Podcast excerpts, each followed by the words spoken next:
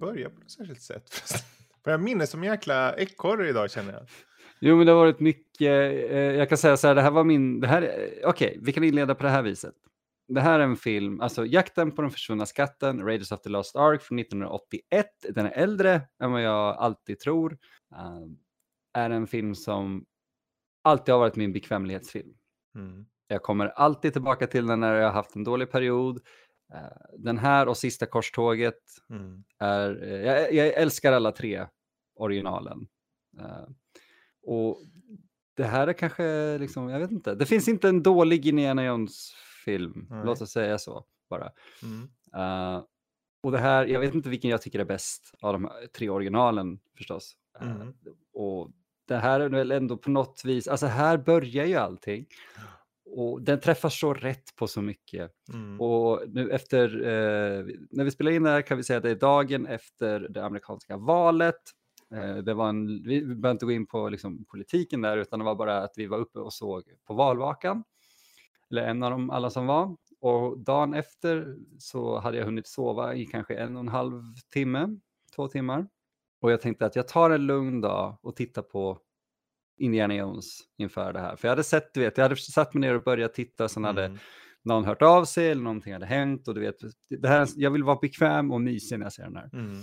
Och dagen efter valet när jag ändå stängt av min telefon i princip så tänkte jag att det är perfekt. Det roliga var att jag, jag, jag så gosade till mig så många gånger att jag somnade. Men jag såg den i så här, du vet, jag fick börja om då, jag fick börja om där, jag fick börja om så. Mm. Eh, så jag såg den i etapper till slut och alltså, fan, jag blir så mysig av den. Det finns ingenting som gör mig mysigare än Indiana Jones. Ja, Nej, jag kan ju jag kan inte göra, göra något annat än att instämma. För övrigt, välkommen till matiné. Eh, en, eh, jag är ju Fredrik, han är Emil, den gode mm. Emil. Um, Indiana Jones, eller som den faktiskt heter, Raiders of the Lost Ark, mycket riktigt, som du sa där. Mm. Uh, för jag, jag, det slog mig också liksom just det här med att man när man var liten liksom så... De introducerar honom Alltså introduktionen av karaktären. Jag, jag, jag klockade nämligen. Jag satt här mm. och kollade, okej. Okay. när det har gått 13 minuter. Då är, alltså allt de har gjort fram tills dess, en perfekt setup. De har mm. visat upp, ändå inte visat upp. De, de får honom att verka mystisk fram till en viss punkt där en eh, eh, en elak kumpan eh, ska liksom ta fram pistolen och skjuta den i ryggen. Han hör dem spänner hanen liksom på, ett, på sin vapen och han bara... Och det är just där han stiger fram ur ljuset man ser honom i hans ansikte så att säga. Och mm. det, är, mm. det är ett par minuter in liksom. Och eh, efter det så sker ju hela den här numera ikoniska introt med de tar sig in i den här eh, grottan eller vad man ska kalla det och hoppar över stup och han har den här stackars Alfred Molina-karaktären med som, som för så kort tid han är med så spelar han så jävla bra Molina han är, också. Han är briljant i den ja, rollen. Sitter där och viftar med fingrarna när han är nästan på väg att ta den där. Han är på väg att ta den där idolen där. Mm. Men just, just allt det här fram till att han Eh, tar sig ut ur grottan efter den här stora eh, bolden eller stenen eller vad man kallar det. Ut och sen så eh, kommer Belloc, bad guyen, och tar eh, den här uh, idolen och han visar att han kan massor med olika språk. Han bara tch, tch, säger någonting och så jagar alla de här infödingarna, eller man ska kalla dem, eh, efter Indiana Jones. Han springer till planet. Jag start danger. Just start. Och den där stackars mannen, jag har precis fått fisken. Nej, jag måste släppa det. Han är uppe i planet. Och det är liksom, man, under den här perioden, du har fått spänning. Det har varit på, alltså det här är en film jag vet inte vilken målgrupp, alltså vilken, uh, vad är det för något, PG-13 eller vad, vad är det här? För det är ju, mm, alltså, P det är ju folk som blir helt penetrerade och mö, alltså det är ju, det är ju rått. Ja, och det är superkul att du säger PG-13 för att det är inte den här filmen. Nej. Men det var Temple of Doom som tvingade fram PG-13. Precis, precis. Men det jag tänkte komma till, det slutar ju med på planet där, han eh, hittar eh, en, en, en orm, han är jätterädd för ormar liksom. Och det här är, nu har det gått 13 minuter av filmen och de har, de har etablerat hur han är, vad han är rädd för, hans teknik och hans sätt att tänka. Mm. Eh, de har fått med humor, de har fått med spänning, de har fått med en bad guyen, etablerat bad guyen och visa hur duktig den är på ett Mm. sätt. Under 13 minuter. Det, utan att det känns forcerat. Det känns inte forcerat alls. Man sitter så här helspänd. Och det är för mig, när jag satt och såg på den här och såg igenom hela filmen och för att spoila så tänkte jag för mig själv att det kanske är den här som är den bästa Indiana Jones ändå. För det finns, det finns saker, jag funderar kring vissa scener och som vi kanske kommer till sen, men Mm. överlag så är den bara så sjukt bra pacad. Mm. Ja, den har inga pacingproblem någonstans. Och trots att den har liksom, det finns ju tillfällen, för att hoppa fram en bit, tanken i att eh, till exempel Marion, som man tar med på sin resa, dör för honom då. Så tar de ändå, det är ju en matinéäventyr, men de Mm. låter honom få, om en liten, en, en stund där han är ledsen, sitter med apan där. Mm. Det är briljant. Och det är just att hela filmen låter karaktärerna, trots att det är den här, det är ju en action-äventyr och så. Mm. Och de flesta sådana filmer, hade det varit en film från 90-talet, hade det bara sprungit vidare i 270 kilometer i knyck, liksom, utan att ens ta itu med saker. Men här gör de det snabbt, men de tar itu med saker och jag blir så imponerad. där. Eh, Men den där jävla introt alltså, just 13 minuter, jag satt och bara, det har tagit 13 minuter att nå hit, det är helt amazing. Alltså. Jo, men alltså det, det, de visste precis vad de gjorde rent filmtekniskt. Mm. Alltså, det, det är den egentligen, om man ska vara sån, den är ju tråkig på det viset att det är den perfekta treaktstrukturfilmen. Ja. Men det, det är också det, den är så perfekt gjord Mm. att den blir inte tråkig. Eh, de, som du säger, de introducerar allt Mm. med honom. Hatet med ormar, piskan, hatten, allt. Precis. Eh, det, det, alltså det, det går liksom inte att argumentera att det är en dålig öppning eller en dålig film på något vis egentligen. Jag har ett ex som verkligen inte tyckte om Indiana Jones. Mm. Jag fick aldrig ett svar på varför. Hon- eh, Jag, jag, jag tror hon, hennes argument var just där att det var så förutsägbart och vi visste exakt vart det skulle sluta. Att säga det stämmer, ja, men det är inte riktigt det som är poängen med filmerna heller. Nej, och jag menar förutsägbarheten, det får man ju räkna i nästan all film, känner jag. Mm. Alltså det är ju väldigt få typer av filmer egentligen. Jag menar, tittar du en slasher? Tittar Ja. du en skräckfilm överlag? Tittar du en... eh, Tittar Armageddon? Vad, vad, vad du vill liksom, så finns det... Det finns ju väldigt få filmer som... Jag menar, till och med om du tittar M. Night Shyamalan så finns det ju... Det är ju en förutsägbarhet att det inte är förutsägbart. Mm. Att det finns en twist. Alla vet Mm. att det kommer en twist. Och Mm. därmed tappar du att... Så det är liksom... Att tänka så, så länge man gör någonting med, med hantverk och man gör det med passion. För jag tror i det här läget så hade Spielberg en jävla passion tror jag. Tvek, ja, alltså tveklöst. Den här bygger ju på deras, alltså det här är ju genuint matinéäventyr äventyr för att det var det de baserade på. Precis. Men jag tror många som inte gillar Indiana Jones bygger, eller har just argumentet där, att de skulle inte se någon av de filmerna du räknar upp Nej. av den anledningen. Eh, och självklart, man kan argumentera för varför vissa filmer där är sämre eller bättre Mm. och sådär. Men just att se Indiana Jones för att se ett, ett, ett nytt äventyr är fel, för det är inte det det erbjuder. Det är inte det det är gjort för. Det är gjort för ren, skär passion och glädje. Mm. Men framförallt, det är intressant att säga, för jag tänk, å andra sidan, alla de här som säger att det är förutsägbart, ja det är klart det är förutsägbart på, på sätt och vis, men jag tycker ändå att den just hur den för storyn framåt, för jag kommer ihåg när jag var liten, alltså det handlar ju om en ålder också såklart, men när, när Marion dog, Mm. så var det ett par ögonblick, i alla fall första gången, som jag tänkte, aha. Och det jag tänkte när jag såg min dotter också, min yngsta dotter. Hon tyckte den var läskig. Mm. Hon tyckte var rolig. Hon var lite röd om kinderna i en viss pusscen. Hon Mm. var eh, på on the, på on the seat, vad heter det, på kanten av hennes... hon satt på nålar. Hon satt på nålar liksom för vissa scener och, och att du får in allt det här i en film. Mm. Det kräver ju någon med rätt touch. Det, Mm. På pappret kan, och sen om det är förutsägbart eller inte, ärligt talat tycker jag folk kan dra åt helvete med det argumentet faktiskt. Sluta upp med det. Antingen så gör man en film så bra du bara kan, utifrån vad det är för någon typ av film. Mm. Eller så skiter du i det. Jo, men det är det som, alltså jämför vi den här med typ kung Salomons skatt. Så, som är Kung sam... Salomons skratt, som den hette i Oh, Sverige. Det var ett inom situation... Vad heter det? Ja. Eh, R men det, var inom situations... eller någonting. Det, det, är liksom, det är kul för sig och det är ju en pastisch i Mm. princip. Men det är ju inte en spännande film på det här Nej. sättet. Där, där misslyckas de med mycket av det Indiana Jones gör. Mm.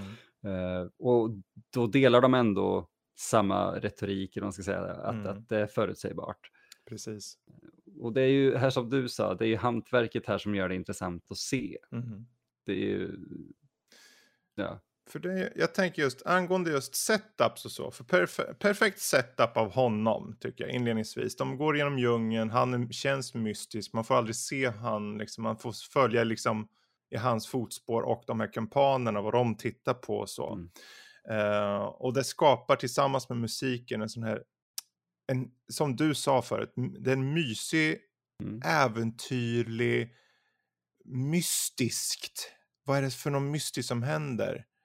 Och sen att de liksom blandar ihop det här. Det här är hela min grund till varför jag gillar folklore och mytologi i film. Mm, definitivt. Så det ledde mig till Hellboy och sånt som är egentligen en fortsättning på det. Mm. Eh, men ta bara exemplet när han kommer tillbaka till eh, han kommer tillbaka till universitetet och han har den här fina dagen när han, han kör liksom vanlig lektion och allt det här. Och sen kommer Brody och säger att nu har vi ett par agenter som är här. Eh, och det finns, då, eh, visst den här Indiana Jones-musiken, jag kommer inte ihåg om den har körts än vid det här laget. Eh, Mm. men vad de istället har är att när de pratar ju om att arken verkar ha hittats, eller i alla fall letats, letas efter. Då av, En eh, potentiell så här, plats. Precis. Eh, Eh, och de vill ju såklart inte att nazisterna ska komma över här. Eh, och eh, Indiana Jones vill egentligen inte, han, han tror ju inte på hokus pokus och magi och sånt där. Eh, men ändå, när de då, agenterna tittar tillsammans i en bok som tar fram, tas fram, som visar då arken. Just där och då kommer musik över. mm. Som är så här fantastiskt kuslig men atmosfärisk och sätter den här stämningen på en gång. Det liksom bara skriker äventyr men också man vet inte riktigt. Det här är, det är någonting farligt över det här. Och det, det framstår bara med musiken. Ja, Jag, det är märkligt att en sån enkel scen fick mig att tänka bara. Det, det är så många beståndsdelar som bara klaffade så jävla rätt här. Mm. Musiken, skådespelarna, ehm, en entusiastisk Harrison Ford. Det var inte igår. Det var inte igår. Det är synd. Ehm, ja, vad händer sen då? Man tror, nej men eh, det är väl egentligen då hela mm, allting dras igång. Ja. Ja, det är ju Ravenwood som, Abner Ravenwood som eh, blir den som uh, Indy då vill få tag på. Han är Han gamla- agerar nästan, ja, nästan en McGuffin Ja, första akten. precis. Han är ju då den gamla professorn eh, och eh, Brody, eh, hans medlärare, eller vad, vad är han? Ja, han är väl en typ fellow professor, Ja. men han säger typ, ja men det, du behöver väl ta det till Abner eller någonting, men då säger Indy typ, ja men är hon där? mm, Och där så etablerar de också att Marion kommer in i bilden rent textmässigt i alla fall så att säga. Hon är, hon är i huvudet här uppe. också så här briljant att de nämner en karaktär på ett sätt utan att nämna karaktären Mm. egentligen, men man förstår vikten av henne. Precis. Och hon blir ju någon, alltså där kan jag säga för mig, nu när jag såg den här så blev det glasklart. Marion är helt klart den bästa kvinnliga eh, karaktären i hela serien rakt igenom Åh för gud mig. ja. Definitivt. Varför tror du de tog tillbaka henne när de Ja. gjorde fyran? Precis. Hon har stark egen vilja men känns på samma gång liksom jordnära på något sätt. Mm. Ja, men hon är så down to earth Mm. och ruff. Ja, Eh, Hon känns verkligen, jämfört med, inget emot henne, men vad heter de, Willie Scott i Mm. tvåan eller Temple of Doom, där har de ju hittat det perfekta, missförstå mig rätt, våpet. mm. Och det är hon med flit, den- för att differentiera där. Exakt. Jag menar, och det kan jag säga, för det skulle jag säga nästan är Sista Korstågets största eh, svaghet. Det har inte någon bra kvinnlig karaktär känner jag. Den här vad hon heter, ja. hon är för mig bara, det är bara riva av henne känner jag. Riva av, riv bort. Ja, hon blir ett platt love interest. Ja. Även om hon, alltså hennes mest intressanta karaktärsdrag är ju att hon är nazist. Mm. Men det är inte Och det mycket är, mer. nej, precis. Men det, det är ju å andra sidan, den filmen har ju helt andra saker som som ja. den har för sig också, som är mycket, mycket bra. Men ehm, ja, han ska i alla fall till Nepal då. Mm. Eh, och försöka få information om eh, pappa Abner. Men hon säger då, när han väl träffar henne efter ett slag i ansiktet, att nej, han har gått bort. Han är, han har dött, Abner. Och eh, hon kanske kan fixa den här medaljongen som han då vill ha. Ja, just det. Och de håller det lite så här. Ja, hon vet typ vilken medaljong det Mm. är. Men eh, säger att hon ska kolla om hon vet om den. Och när hon, han går därifrån Precis. så fiskar hon upp medaljongen för att hon bär den har jag för mig. Ja, hon har den runt halsen typ, Ja. eller något sånt. Ehm, och det är, jag vet inte, eh, hennes setup är perfekt. De etablerar henne då först genom att hon har en drinking competition bara. Som är nu- min favorit superscen i alla filmer. Det, det är nog fel, men det är definitivt en av mina favoritscener Ja. någonsin. Ja, fan alltså. Men det, mm. Eh, men det leder ju egentligen då till, för om vi ska säga varför då, ju, den här medaljongen är ju en del av en stav då, eh, som eh, ska vara en, det hjälpmedlet för att hitta den här staden. Eh, Eller hitta framförallt platsen där eh, arken står då. Mm. Eh, och han, Indiana Jones trodde ju då att pappa Abner Ravenwood skulle ha den, men det visade sig att hon har den och när han då går efter som du sa där att hon berättar och säger om du får komma tillbaka imorgon eller sådär. Mm. Ja, han går. Men bara en minut efter så stiger den mest slämmiga nazist man har någonsin sett i en film. Han är så underbart. Det, är en slags... Jag vet att det är lite pastisch över den på något sätt. Alltså som att den här uh, Gestapo-nazisten känns så jävla slemmig. Ja, Men- Den är ju super, alltså, vad heter det, schablon. Mm. Men den är så schablon så att den, han går från att vara, som när han tar upp den här rödglödgande, ehm, vad heter det, spettet. Ja, spettet. För att ja. hota henne. Han är så här, så ty, typiskt svettig och det liksom massa svettdroppar och grejer. Och då är han genuint äcklig. Snubben det heter Herr Tott, här, vilket betyder Herr Död. Det är liksom, det är det mest briljanta nazinamnet någonsin. Ja, perfekt. Det, alltså det, det är så Jag kommer, jag kommer inte ihåg om han någonsin refereras till namn faktiskt. Gör han det eller? Eh, jo, men aldrig... De använder ett annat namn på honom. Marion kallar honom någonting, men jag kommer inte ihåg vad det är. Mm. Men det är inte Tott. Kanske för de insåg att vi kan inte ha, vi kan, han kan inte heta död eller death liksom on screen. Någon kommer fatta och bara tycka hur B Ja, det blir. kanske ett par tyskar någonstans. Men det som, är, det som är så jäkla kul är ju också att, eh, för det här var ju en av de grejerna som jag tänkte på som är briljant Mm. med det här. Och det är att Klaus Kinski blev erbjuden rollen som herr Tott. Wow. Ja, det hade varit fantastiskt. Wow. Eh, Alltså, Eller hur? vilken... Ja, det kan man ju bara fantisera hur det hade varit. Oh ja. Det hade Jag kan- kunnat, jag vet inte hur, det hade kunnat vara helt... Alltså han skulle ju kunna ha tuggat på scenerierna eller så kanske han hade förstört filmen. Jag vet inte, det är så svårt att säga. Ja, oh ja. Ehm, men, Men det- ehm, ja. Jag, vill bara säga att han tackade nej, Kinski. Mm. Eh, för i, i princip, eh, han, han, eh, jag, kan läsa citatet här. Ja, ja. As much as, as, much, as much as I'd like to do a movie with Spielberg, the script is as moronically shitty as many, as many other flicks of uh, this ilk. Eh, han dök också upp då i Svarta Mamban för att lönen var bättre. Mhm. Och det är ju mycket Svarta så... Mamban? Eh, Ja, jag kommer inte exakt det låter ju som en vilken. fenomenal rulle. Ja, alltså det var ju många. Venom, just det, exakt, den, den klassikern. Ja. Eh, mm, det är något som kanske dyker upp på podd, Kultpodden en Ja, vacker dag. Men, eh, det, det, det, alltså det som är så intressant med, med, med Kinski är att han, han, om man sätter sig in i honom lite grann så kan man se vad han menar. Samtidigt så var han ju så extremt eh, egocentrisk och överpretentiös. För att manuset i sig, särskilt med eh, skurkarna, det är ju enormt platt. Mhm. Alltså det är ju onda nazister för onda nazister. Eh, det är ingenting där som ger honom en, ett utrymme att utveckla herr Nej, Tot. precis. Eh, men samtidigt shittily, uh, moronically shitty är så här.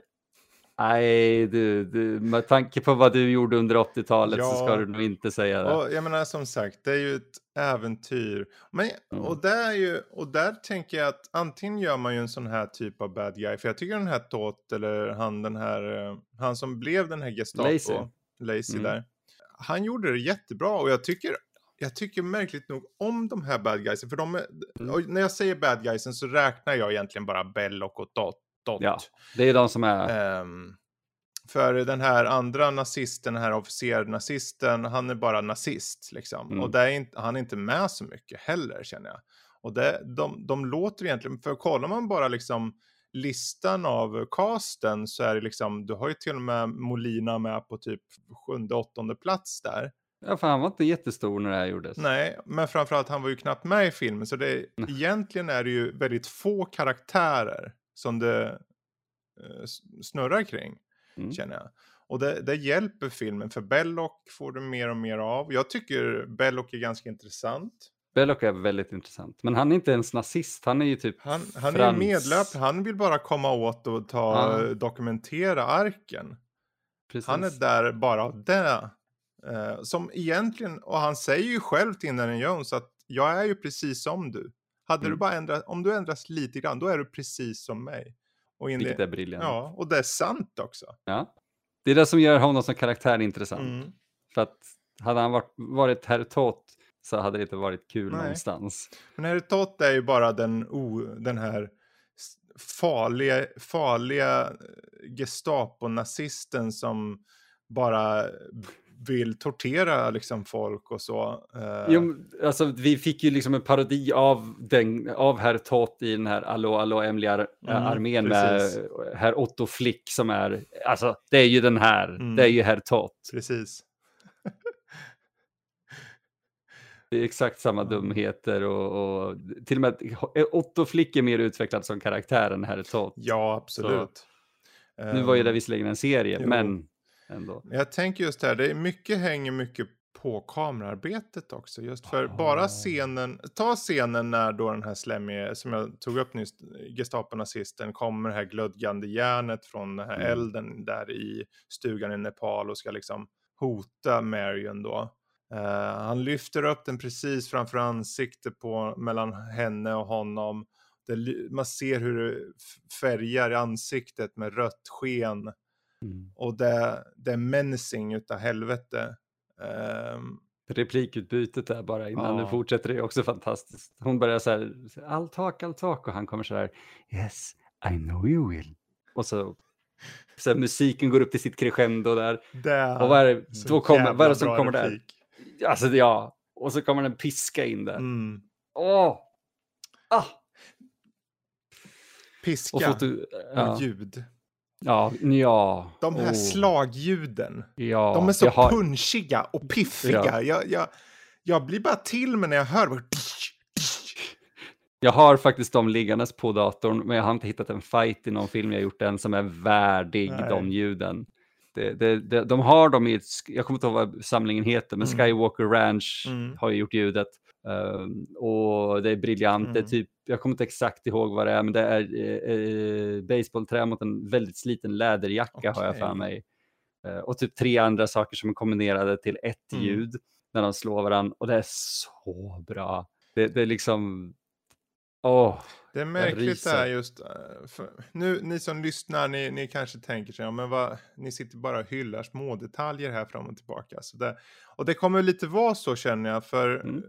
Eh, de flesta känner ju till filmen och allting, utan vi får ta poäng, gå in på detaljerna. vad som gör den så bra. Det är Ja. detaljerna som får den att bli det Precis. briljanta verk det är. För, när jag, när jag, för att ju mer du får de här ljudbilden av de här punchiga slagen, eller till och med när de har den här eh, skottduellen så att säga. Åh. Skotten låter så jävla punchiga i sig också. Korta, Mm. koncisa. Så här. Så här. Det är liksom antitesen till Leones egna fantastiska så här. Det här är antitesen för de är en halv sekund långa Mm.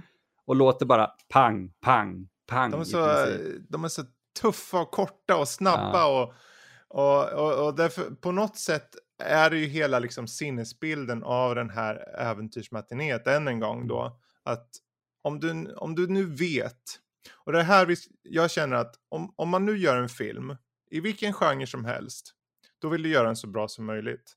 Mm. Och då kan du göra en film så bra som möjligt, som i den här genren, äventyrsmatiné, så pass bra att den platsar på de topplistorna över hela världen Mm. till dags dato. Och Mm. varför? För att när du gör någonting så bra i en viss genre, oavsett så kommer det transcenda. Ja, tveklöst. Det är därför vi fortfarande pratar om filmer från 30 40-talet. Precis, precis.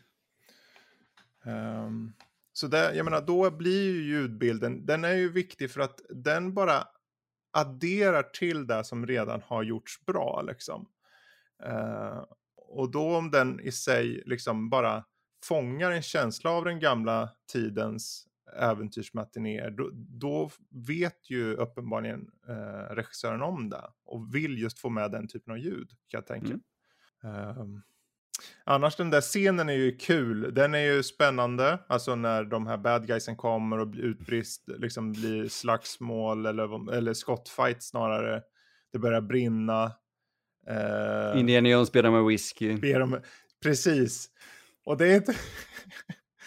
Whiskey, please! Och så slår i huvudet på en bad guy. Och Marion... Precis, han väntar på att det ska så här, komma eld och bränna honom i ansiktet där. Som också så låter elden Ja. som får sitt eget Men ljud. det är just att de lyckas få in detaljer i det, för när, när Mm. eh, det peppras i rummet och det träffar en sån här öltunna och det börjar spruta ut öl och Mar- Marion då precis innan hon ska ta en stor klubba liksom eller vad det är för någonting och slå ner en kille, hon bara ah, men jag tar och så dricker hon lite on the go, bara, bla, bla, bla, bla. Det bara sprutar ut ur den där och så går hon runt och smackar till en. Eh, och det är, en, det är ju en detalj, jag, bara, Ja. jag funderar jämt, stod den i manus? Stod den inte i manus?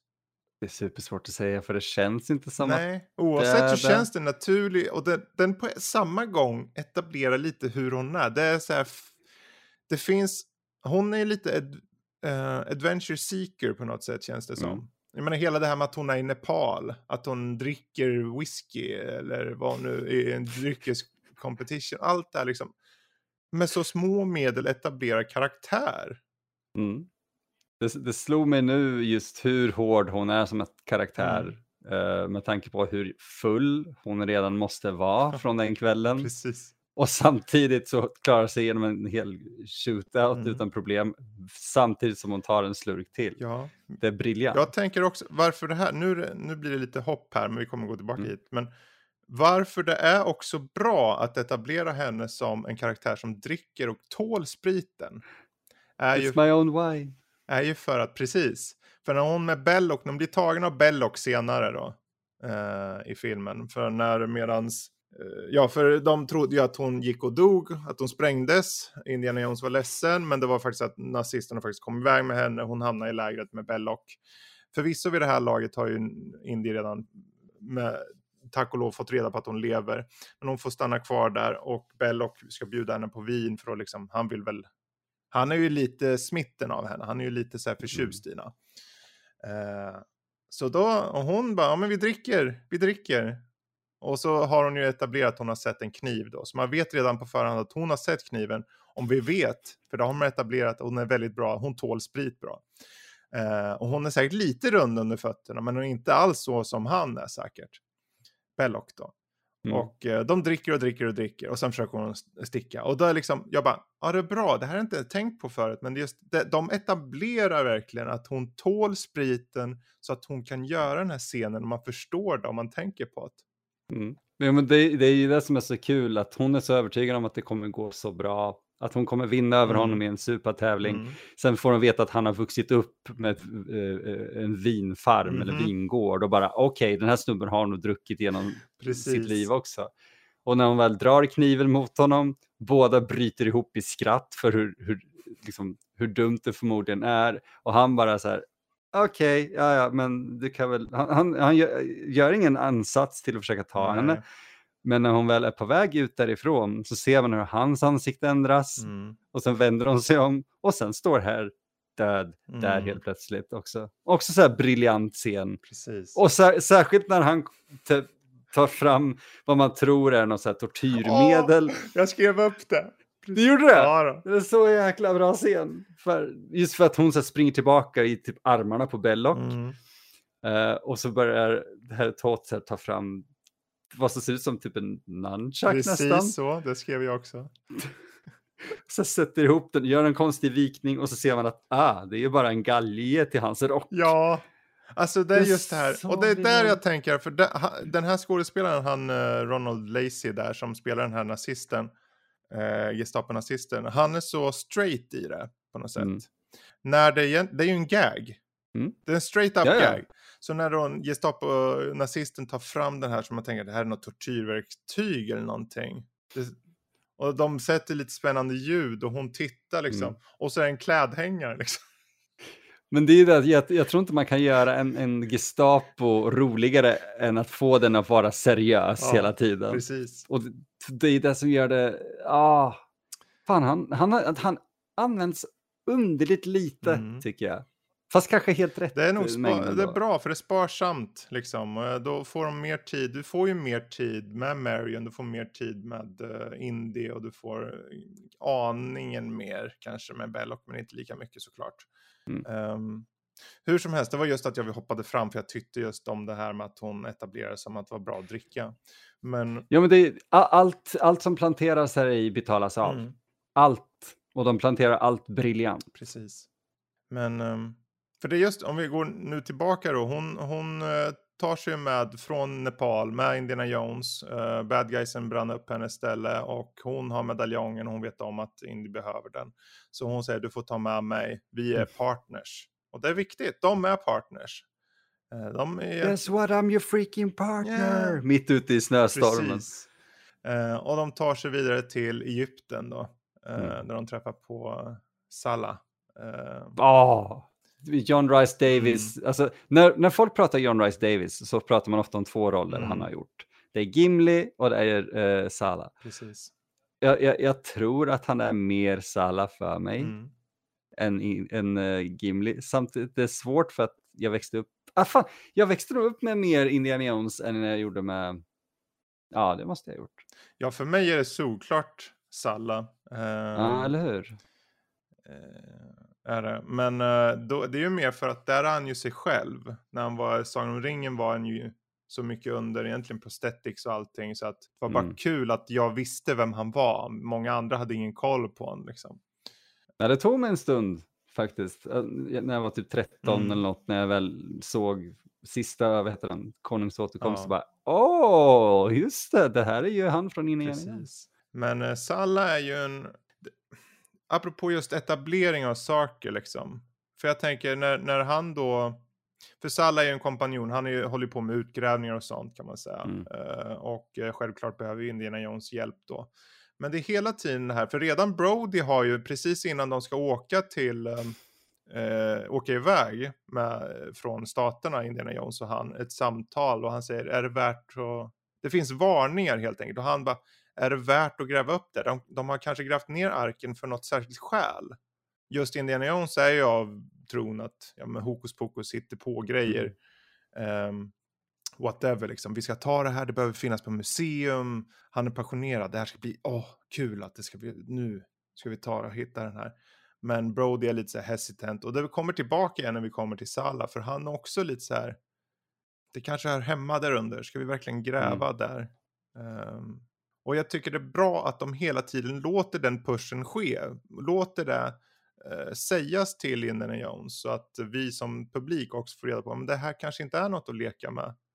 Mm. Um, vad det nu är, jag menar även om det är spökar, an, spöken, andar eller demoner eller vad tusan det är. Det är ju ingen som egentligen etableras mer än att det är de eh, gamla stentavlorna från Moses som har malts ner till något sand liksom. Mm. Varför skulle de ha massa spöken i sig? Eh, och varför är de, den kraften så farlig? Det går de aldrig in på riktigt. Det är Guds Nej, kraft tror... liksom, Gud strålar. Ja. Men varför? Och är det Gud strålar? Är det något annat? Exakt, och det är, det är, bra att de inte går in mm. i det mm. för att det är en irrelevant fråga yes. i, i historien. Precis. Uh, och håller musiken Det här är varför jag tycker om det och varför jag jämt mm. tycker om, för det är, de snackar om folklore, de säger folklore och mytologi. För mm. de är det här folklore och mytologi. Mm. I.i. kristendom, folklore och mytologi. Mm. Ja, exakt. Det är det som är, alltså om man tittar på till och med sista korståget mm. så de tar upp Jesus och hela grejen. Mm. De tar upp religion som historia. Mm. Och det är det som gör det så intressant när de faktiskt hittar de här grejerna. Man vet inte vad det är, men de sätter aldrig någon så här värdering Nej. i det. Och jag älskar serien just för den Precis. För jag menar även, för just hela idén med att, eh, som att arken kommer från Moses så, det finns ju inget som de säger att det behöver vara det, eller att det kanske är något helt annat. Och det är samma sak med sista korståget. Jag menar, visst, de snackar om den hela graalen, men vad är det egentligen? Och mm. eh, hur har liksom saker och ting förvandlats under tusen på tusen år från vad som kanske egentligen inte var en sak till att folk intalar sig till att det är någonting. Mm. Eh, arken kanske var bara någon låda som de bara trängde ner farliga demoner i. Eller nu kanske rymdvarelser, vad vet jag?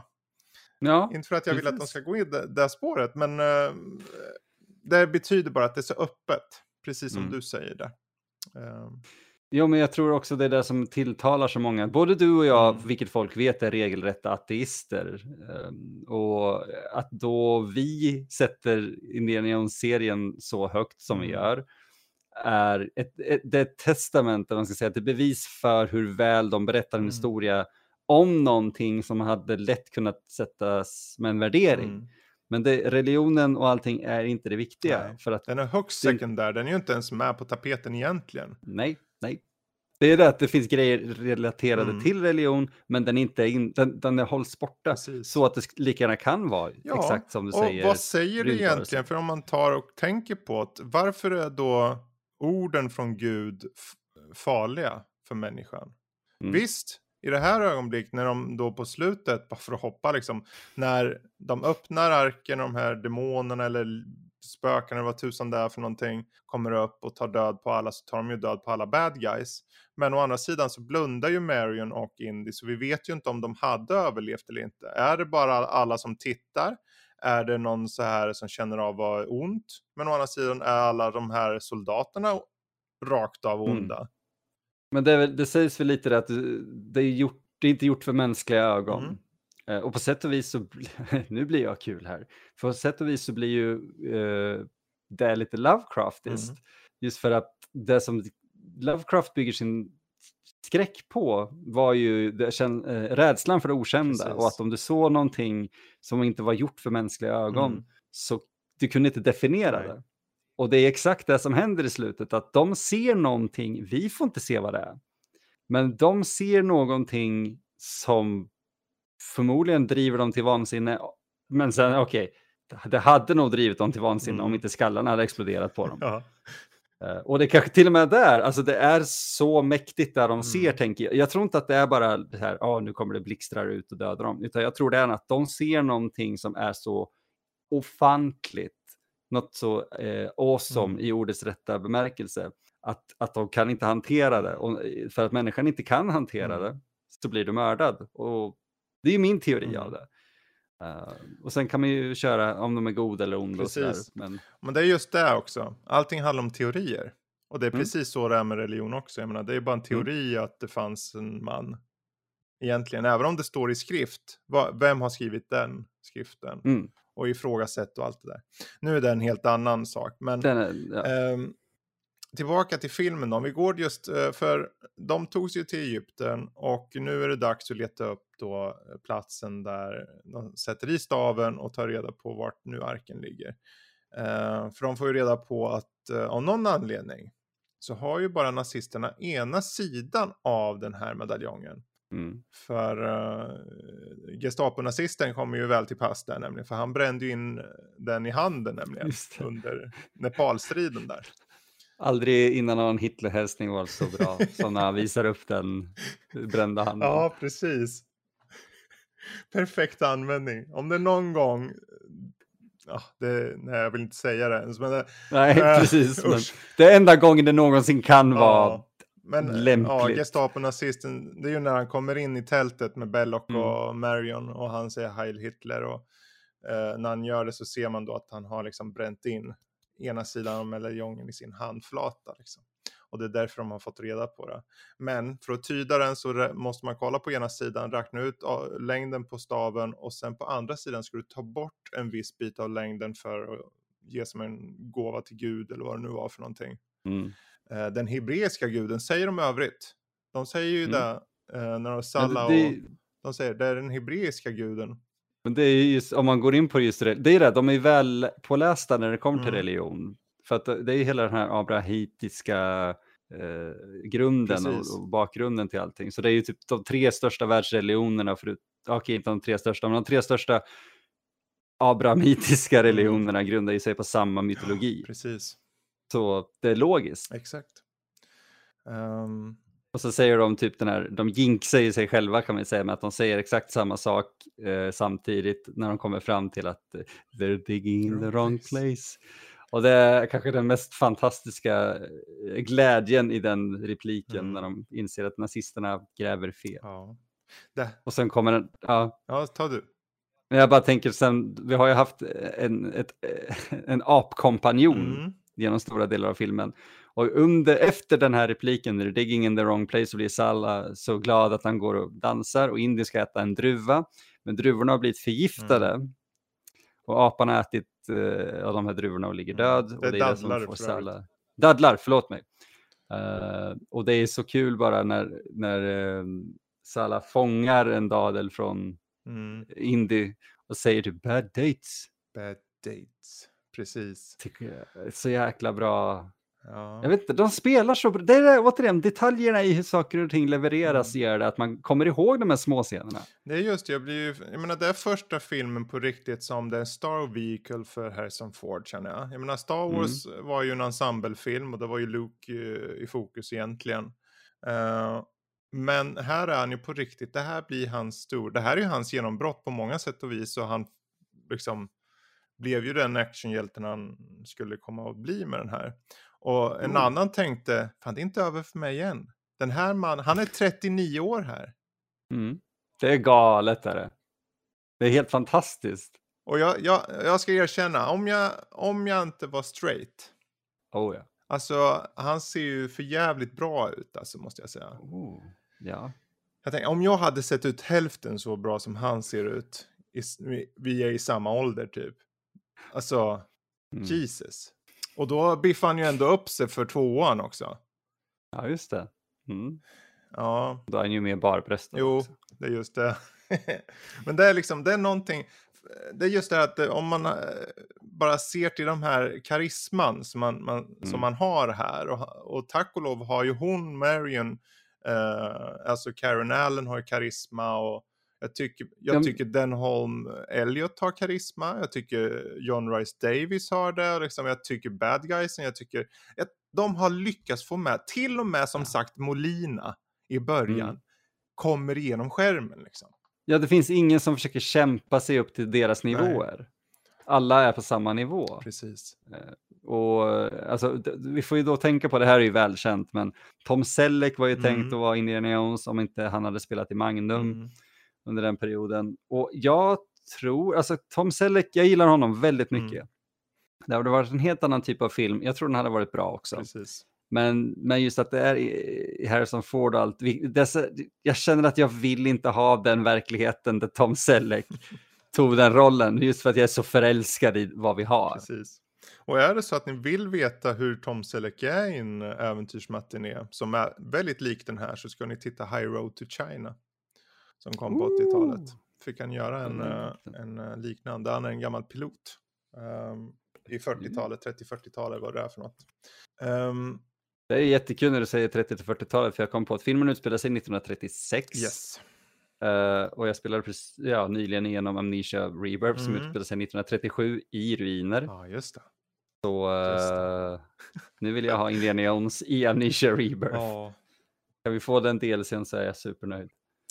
Ehm, jag tänker, nu har vi hoppat, vi var ju nu precis på där när han fångar daddeln i, i handen och säger Mm. no, bad dates, eller bad dates, eller vad han säger. Eh, Ja. Och det är ju precis, det är ju efter att uh, Marion då har fått en skendöd. Uh, tyskarna, det blir som lite, här har vi vissa, eh, en av de mest ikoniska scener genom tiderna är ju när såklart eh, nazisterna är ute för att ta Marion. Det är lite farsartat. De springer i kapp Mm. och hon slår ner den med en stekpanna.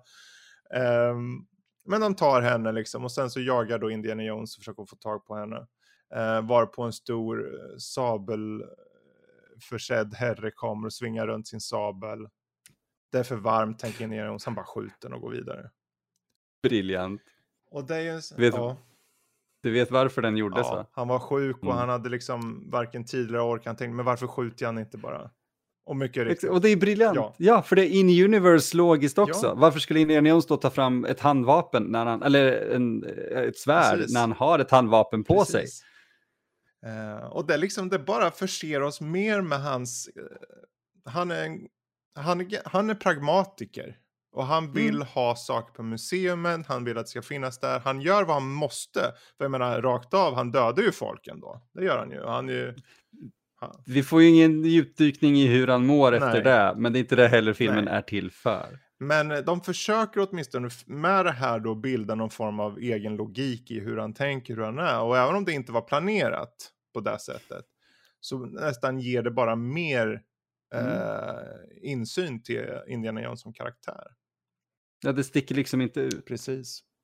Och det är ju nu då som eh, under hela den här tiden har det varit med en apa som har följt med dem hela vägen. Eh, den introduceras redan hos Salla när Marion, åh vilken Ja, fin just apa, jag har inte sett den där förut säger Sallas fru. Ja, ja, och så visar det att det är någon Mm. enögd uh, egyptier eller någonting som har liksom supertränat den där för att vara en spionapa.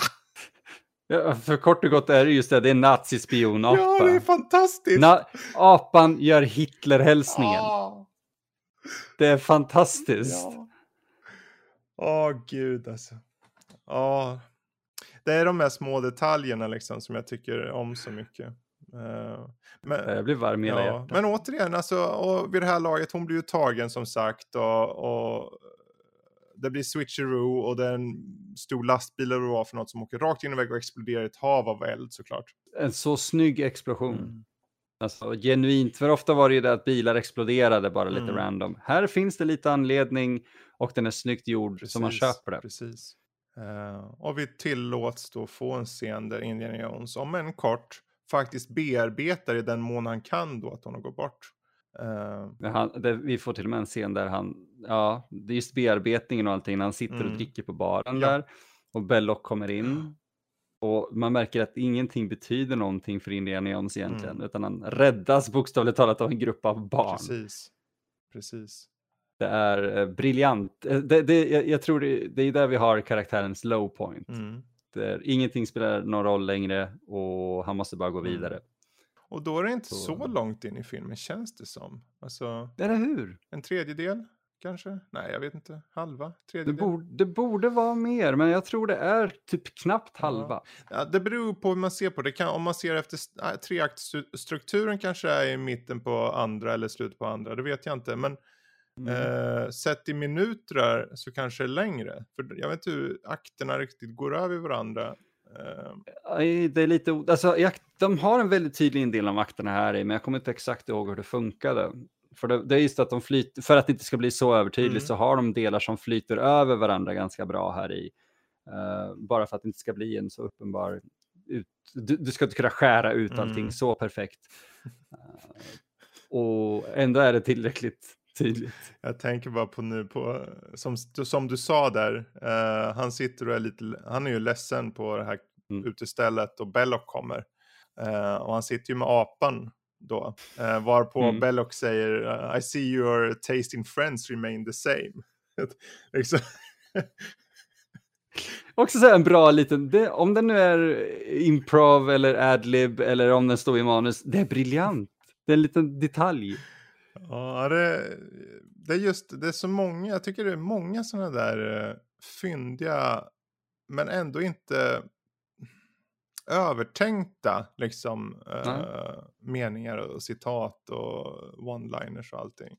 Men det, det var som lätt hade kunnat vara grodor i en politisk debatt. Mm. Det är liksom, oj, det där tänkte jag inte på att jag sa, men det var ju briljant. Kanske lite ogenomtänkt. Precis. Och de funkar perfekt. Precis.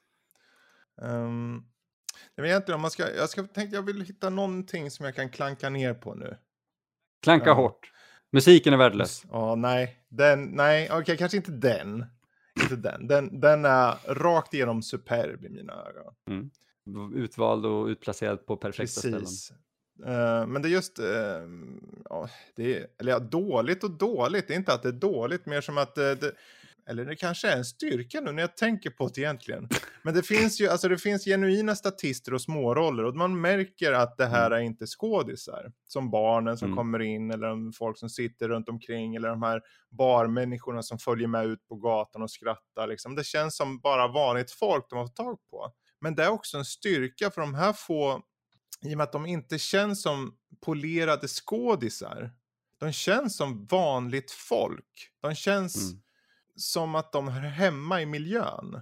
Och Mm. just där får de fan att funka nästan bättre alltså. Jämfört med om de hade varit statister, ja. För att när de står just och försöker tigga pengar från Mm. Indien och allting på sina ställen, allt känns så naturligt, för de känns genuint upprörda på, nej, men när han har gått runt och typ vält eh, matstånd och grejer. Eh, det känns som att de faktiskt reagerar som de skulle göra och inte liksom oh, Indiana Jones har vält saker utan bara vad fan den där snubben välte grejer. Jag vill ha betalt för skiten. Ja, Och jag tror inte det hade funkat lika bra med, med genuina Nej. statister. det är nog därför. Det- För först tänkte jag att men det kanske, just eh, svagheten att de lyser igenom i sin Mm. um, ovana att vara inom situationstecken skådisar. Fine, ja, så kanske det är. Men den genuina, den ge, genuina liksom, upplevelsen man får är nästan eh, ett större plus, som du säger. Mm. Det är inte som, jag kommer inte ihåg vad han heter, och det är det en, en, inte en av de enda, men det, jo, det är en av de enda sakerna som jag har problem med i Temple of Mm. Doom. Snubben de hittade för den här byn, Mm, han lärde ju sig sina repliker fonetiskt, ja, vilket innebär då att han har lärt sig hur han ska säga det, men han vet inte vad han säger. precis. lite som Bela Lugosi i Mm. Dracula. Och när han då, you go to Pankot Palace, och man så här, ah, okej, den här snubben kan inte skådespela, men han kan säkert det på sitt Ja. språk. Men man känner att det här är nog ingen skådis Nej. riktigt. Men man får aldrig den känslan i eh, Raiders. Nej, precis. Aldrig faktiskt. Nej. Ja, men eh, hur som haver. Hon blev tagen och som, som vi sa, Mm. de, de, hon blev ju fast där på lägret då hos uh, Belloc och det visste ju inte först då Indiana Jones, men han då är ute och gräver då med Salla eh, så snubblar han ju in i ett tält varpå hon sitter där fast. Man bara springer fram. Ja. Ja. Och hon bara, åh rädda mig, rädda mig. Han tar bort det, åh pussar henne och så. Han är ju genuint glad att se att hon lever såklart. Vilket är skönt i sig att se att han ger den, han har en liten tår här. Jag vet inte om det är något som var svett eller om det var, skulle vara, jag vet inte vad. Men eh, Det är passande. eh, ja, Men så blir han pragmatisk. sen blir han än en gång pragmatisk. Ja men, om jag låter det gå då kommer de veta. Och hon bara, nej men släpp mig, släpp! Och så gaggar han på henne igen liksom. Hon bara skriker massa ord efter them. Det är så fantastiskt. För det är lite som att han, man, man ser hur glad han blir. Och det blir mer som en sån här, okej, bra, jag måste tillbaka till det jag höll på med Mm. nu. Och det, det är så fint för att det är det, det, är the urgency, Ja. liksom. det är så akut det han håller på med. Så man förstår honom, men man förstår också irriterad Ja han blir. Precis. Det är briljant. För egentligen, och det är väl här som det... Jag förstår ju hur han tänker. Mm. Eh, och han kanske känner Belloc bra nog för att veta att hon är i alla fall typ safe. Men han kan ju Mm. inte garanterat veta det. Det är ändå nazister vi har att göra med.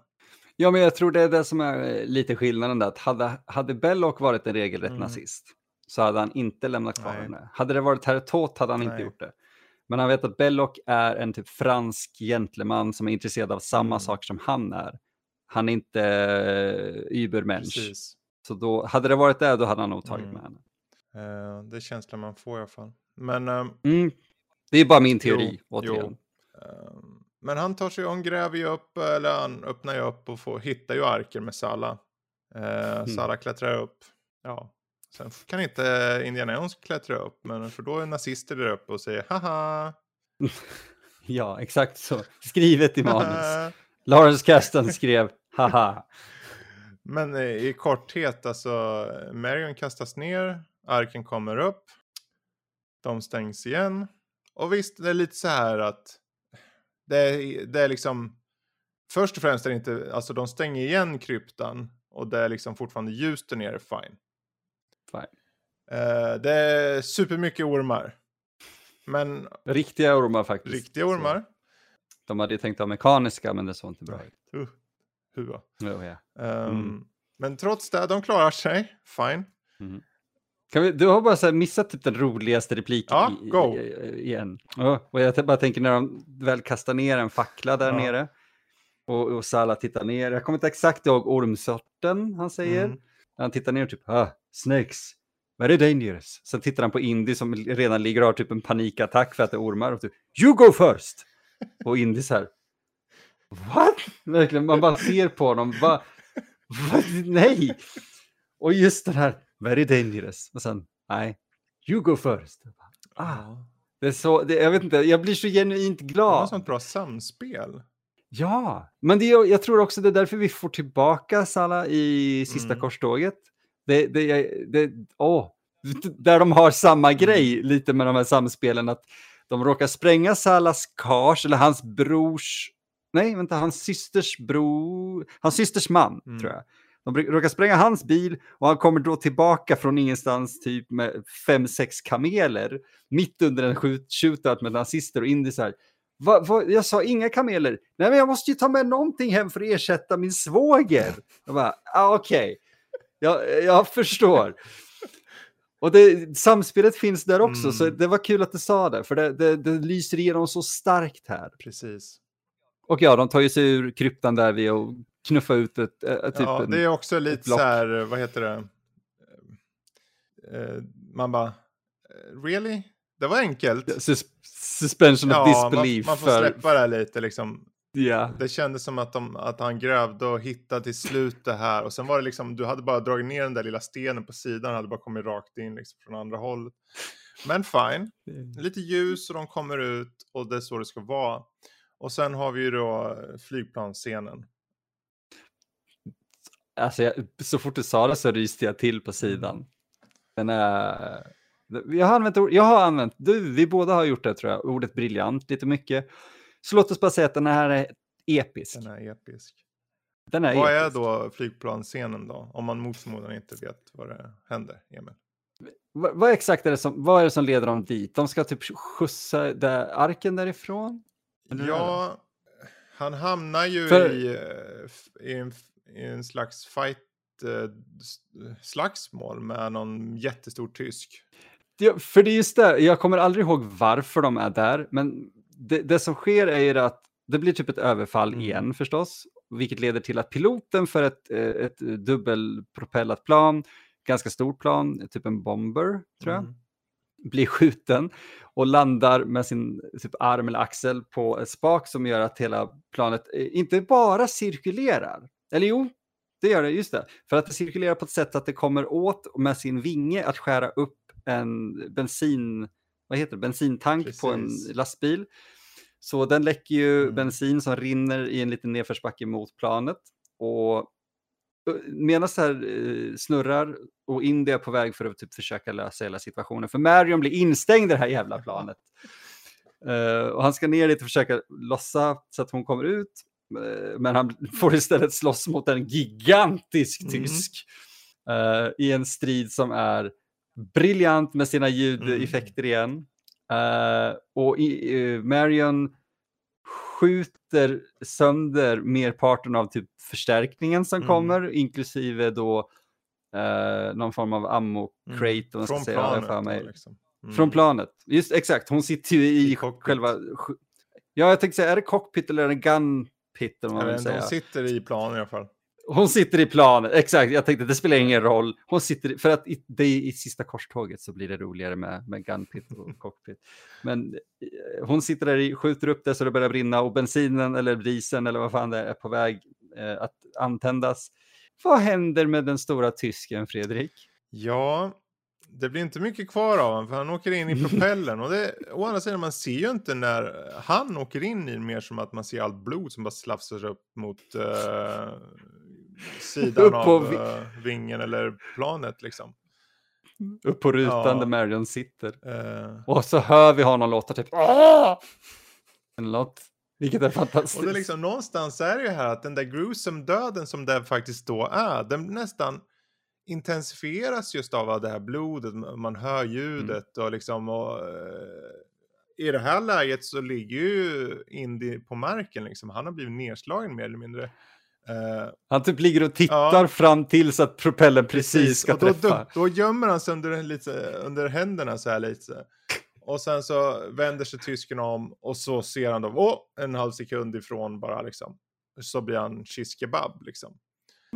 Ehm, och det är just när du låter, när du lämnar det där i sinnet hos en som tittar på filmen blir det nästan mer Mm. läskigt också. Det blir, Tveklöst. samtidigt är det spännande och det är liksom den här, än en gång, som vi har tjatat om, den här äventyrsmatiné-feelingen som liksom bara maximeras på något sätt liksom.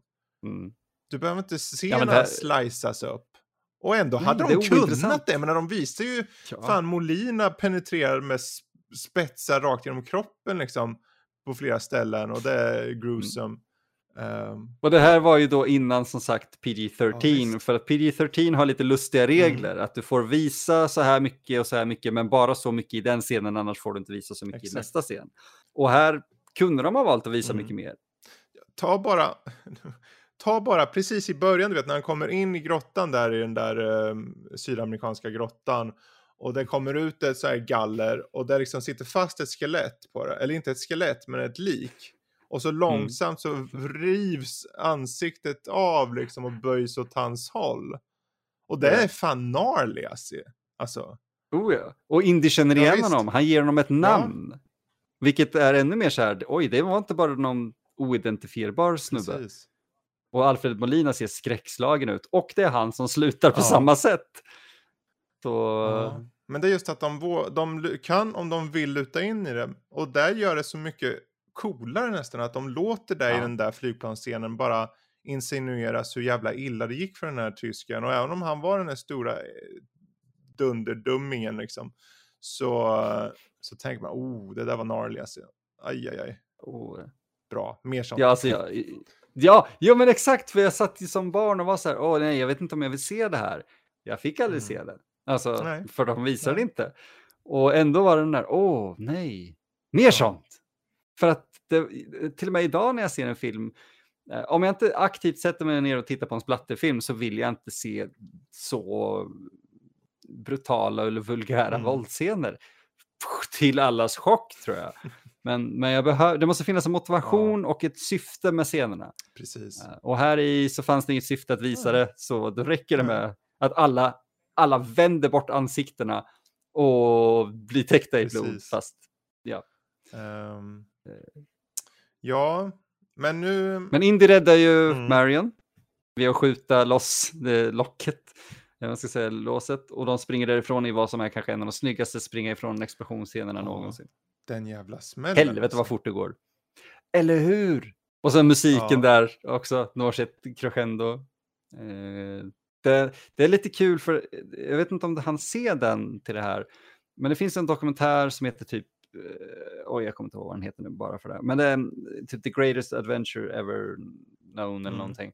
Det handlar om barn som gjorde en remake av eh, Raiders of the Lost. Ark för hur mycket de, ja, för de älskade Raiders.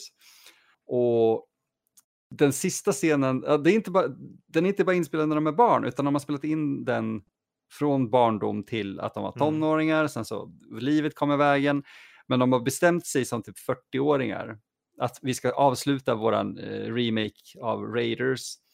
Och det sista scenen de hade kvar att spela in i princip var flygplansscenen. Och de gör den och de spränger skit. Och det är så fantastiskt för mig som filmskapare att se de här, alltså de här människorna som egentligen har gått igenom du vet, Mm. livet med allt vad det har erbjuda, eh, mycket, mycket sorg. Och bara, nej vet ni vad, vi gör färdigt vår jävla Mm. film. Oavsett vad vi tycker om varandra numera, vad vi, vad vi har gått igenom, nu gör vi det här och vi lyckas med det. Eh, det, det gör mig så genuint lycklig i själen. Ehm, och jag förstår att, alltså det där är den perfekta scenen att avsluta sin Mm. remake med. Eh, även om de hade de sista scenerna filmade också, men många, många år tidigare. Eh, så de, är, de går från barn till 40-åringar i filmen. Okej. Så, det, det, det är rätt fantastiskt. Bara att som, se dem som barn återskapa när det här eh, stora klotet rullar mot Mm. dem är otroligt.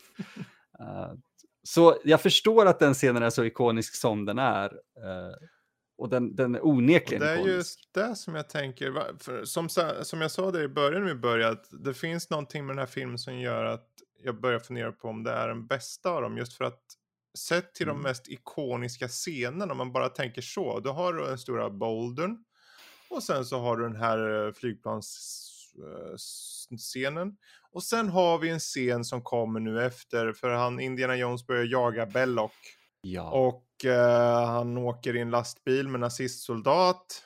Eh, Vid ett tillfälle Mhm. kör de genom så här byggnadsställning varpå en lokalbo hamnar på rutan. Om en kort. De ler mot varandra över situationen och sen ur situationen igen snabbt. De slår ner och han, fly, nazisten flyger ut. Eh, men här efter så kom ju en av de, alltså den scenen jag kommer ihåg. Jag spolade fram och såg den här om och om Mm. igen. För jag, och varje gång jag såg den så var jag lika, kände jag lika mycket spänning. Mm. Och det är ju när det, det, det är, eh, tyskarna börjar klättra på lastbilen runt om, runt om Ah. honom och en tysk tar sig in i, i, i, i, i Förarsätet, eller eller, förarplatsen. Kabinen, förarhytten. Och de slåss. Och han, det känns, det är rediga slag, det är ont och Mm. man ser, och här är viktigt också, för Indiana Jones här visar hur mycket smärta han känner i det här. För han blir Han blir skjuten. skjuten i armen. Eh, Men som en, bara den briljant, alltså squib Mm. och allting.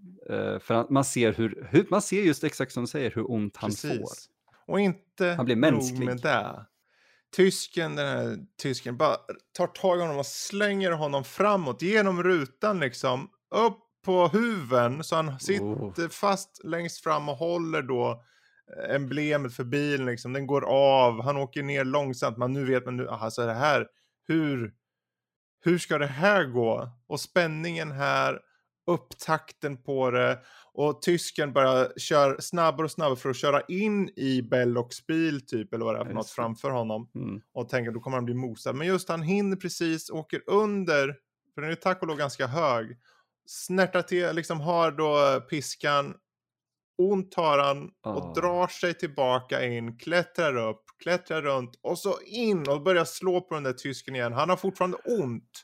Men han slår, Ja. han får, han knockar bort den där och sitter hållande sig, sig om axeln liksom i, i smärta och börjar köra mot Belloc som allt mer bara, vad fan dog han inte för? Och den scenen alltså är nog bland de bästa, mest ikoniska scener jag kan komma på. Någonsin. Mm. Och den är ju den är i princip regelrätt tagen ifrån en gammal Mm. matinéfilm som eh, Spielberg och de Mm. tittade på väldigt mycket. Men det är ju det att den är ju uppvriden till 11 om man ska Precis.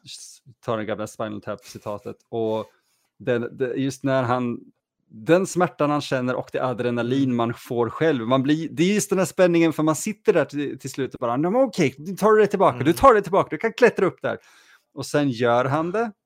Och man ser hur han, han, ska, han ska döda den Ja. här mannen. Och han gör det. Genom att... Han får, är det den snubben som ramlar ner och liksom blir överkörd typ två, tre gånger om? Ja, Eller av, han av blir ju överkörd. Det är ju... ja. Han, Om man han ser kastas typ, ju, ja. när väl då Indiana Jones kommer in i, i hytten, förarhytten, så smackar han till honom och slåss och så tar han samma tysk och slänger ut genom rutan så att säga, så att han hamnar längst fram och går igenom samma det. situation. det. För det är väl den där, eh, det är inte bara Ja, grill, grill- emblemet grillen. lossnar och Mm. Grillen lossnar och sen så Ja, och så, ja, och så körs han över, man ser han bara åh, så här. Man bara oh! Ja. Man ser inte bara första hjulet, man ser liksom Ja. som den lastbil, man ser första hjulet som de här typ två Mm. andra eller vad det är. Alltså, det kanske bara är fyra hjul, men samtidigt är det så här, det räcker Ja. gott och Ja, väl. det är en mosad att det- nasse det där alltså. Ja, men man blir så nöjd. Man blir så nöjd, precis som Indy Ja. blir. För sen, han är ju inte färdig, han ger ju sig efter Mhm. bilen framför sig också. Och typ knuffar av den från vägen. Och sen när han väl inser att han är lite säker så ler han Mm. kort och sen inser han hur jävla ont han har. Precis. Det, åh, det är Just i det här tillfället, han är ju jagad av andra bilar och allting. Jag menar, det, någonstans är det här som jag på riktigt föredrar matte paintings. Jag vet det är lite cheesy. Ehm, idag kan du få till så väldigt fina saker och så, men när då det är någon tyskare i en jeep som följer efter honom och kör över ett stup Mm. och man ser dem falla ner och det är ett enormt stup. Alltså man bara, vart fan Mm. kom det här stupet ifrån? Och det är, nå- det är någonting som går igenom serien det här med de här stupen och så liksom. Men eh, det är någonting fantasifullt över det, någonting som bara klingar rätt för mig på något sätt. Det, är, Ehm, det är framför kameran, man tror på Ja. det. ehm, men just att det passar ihop med hela just vad det här är för något typ av film. Att det har den där Mm. klassiska 30-talskänslan, den här äventyrskänslan. Och det är plötsligt ett stup liksom bara. Och de bara ramlar ner i evinnerlighet känns det som. Gör mig bara åh, jag vill se mer matte paintings nästan när jag ser det där. Eller? Ehm, men eh, ja, vart är vi nu? Vi har ju, de har jagat Belloc och så. Han har ju fått lastbilen nu. Eh, som har Mm. då arken. Så han tar sig väl egentligen har en till en hamn. Exakt, vi är på båten där. Nu är vi på båten. Mm. Vi är på båten. Och jag eh, ska erkänna, jag hade en jävla crush på Marion när jag växte upp. Vem hade inte det? Ehm, Kom igen. jag hade en större, jag hade så här, lika mycket crush på eh, Indiana Jones som Marion, men Marion var något speciellt med. Men just den här scenen, där, liksom, när de äntligen, de får, de får landa lite nu, kan man säga. Mm. Eh, de, de har kommit ifrån tyskarna, de har den där arken som ligger och brinner nere i, i, i något lagerutrymme på båten. Och lockar till sig Mm. råttor. Och eh, de, han har ju ont nu, uppenbarligen. Och än en gång, de fler. Han har ont, han försöker ta sig kläder och eh, han är lite grumpy, men ändå inte på något sätt. Ehm, och hon frågar, men har du ont? Ja, jag har ont. Vart har du ont? Och så får han en puss på, jag kommer inte ihåg, armbågen först eller någonting. Ja, för alltså, hon, hon, han har så ont överallt så hon blir irriterad och bara "Va- vart har du inte ont? Okej, här. Visar armbågen och hon pussar honom där och så börjar han liksom, ja, pannan då. Ja, så, så ser man hur han säger, okej, jag, jag chansar då. Och bara gör en liten rörelse med fingrarna och sen sätter de på läpparna och här. Och hon tar av honom hatten Mm. och kysser honom. Ah! Det- Det, Det är är just att va- varför jag tycker om den så mycket. För att han här, han är ingen superhjälte här. Han är inte osårbar. Han är inte liksom, han är nästan oskuldsfull. Och vi vet ju att de har Mm. varit ihop tidigare. Det är inte som att han inte, som att det är första gången eller något sånt. Men Mm. han är ganska, han är inte där för att, det är bara att han vill just nu bara ha den där pussen så, varpå han sen somnar. Men Mm. ändå, det, det är en väldigt fin scen och det bara visar än en gång på just den här att du lyckas hålla så många olika saker i en film. Du kan ha Mm. spänningen, men du kan också ha de här fina... Alltså jag satt ju själv när jag var liten var lite så här röd om kinden när jag såg det där. Ja, man blir lite Ja. girrig. Alltså man sitter och fnissar. Jag tror mycket hänger på deras kemi där. För jag köper den så Tveklöst. rakt av. Idag när jag såg, eller häromdagen när jag såg den igen, filmen, så än en gång satt jag där och tänkte, de här på riktigt tycker om, de måste tycka om varandra. Det känns som Mm. det alltså. På riktigt alltså. Oh, ja, jag är övertygad om att de hade en bra kemi just för att de kom överens och tyckte Mm. om varandra. Eh, och det kommer genom rutan liksom. Det kommer genom rutan. Mm. Eh, nu är det ju tyvärr så att nazister är ju nazister. Och sannare ord har aldrig sagts. Men ja, nazister är nazister. Och de kom ju med en ubåt va? Typ. Mm. Ehm, och uh, kap, vad heter det, kapsejsar? Nej, de eh, kapar typ eh, snarare eh, den här båten. Och kaptenen försöker åtminstone få dem att eh, bara ta arken och inte Marion. Men, så han är ändå en good Mm. guy tycker jag, en kapten. Han försöker. Kaptenen är, ja. Han, Pragmatiker, Det är lite så. Mm. pragmatiker, precis. Eh, Medan Indiana Jones är någon lufttrumma eller någonting. Jag vet inte vad Han har lyckats gömma sig. Ja.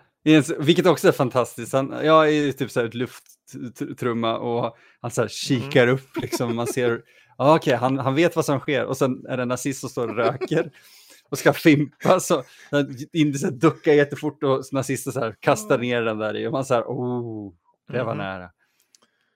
Ja, men det är just det. Nu får de ju, de, de bara, vi, vi är nazister, vi tar vad vi vill. Vi behöver inte lyssna på dig. Så Mm. ja, De säger exakt Ja. det, vilket är så här, ni är lite schablon, alltså det är ja lite men de det i men det fall. De funkar. lutar ju in i det fullt ut. Det, liksom. exakt.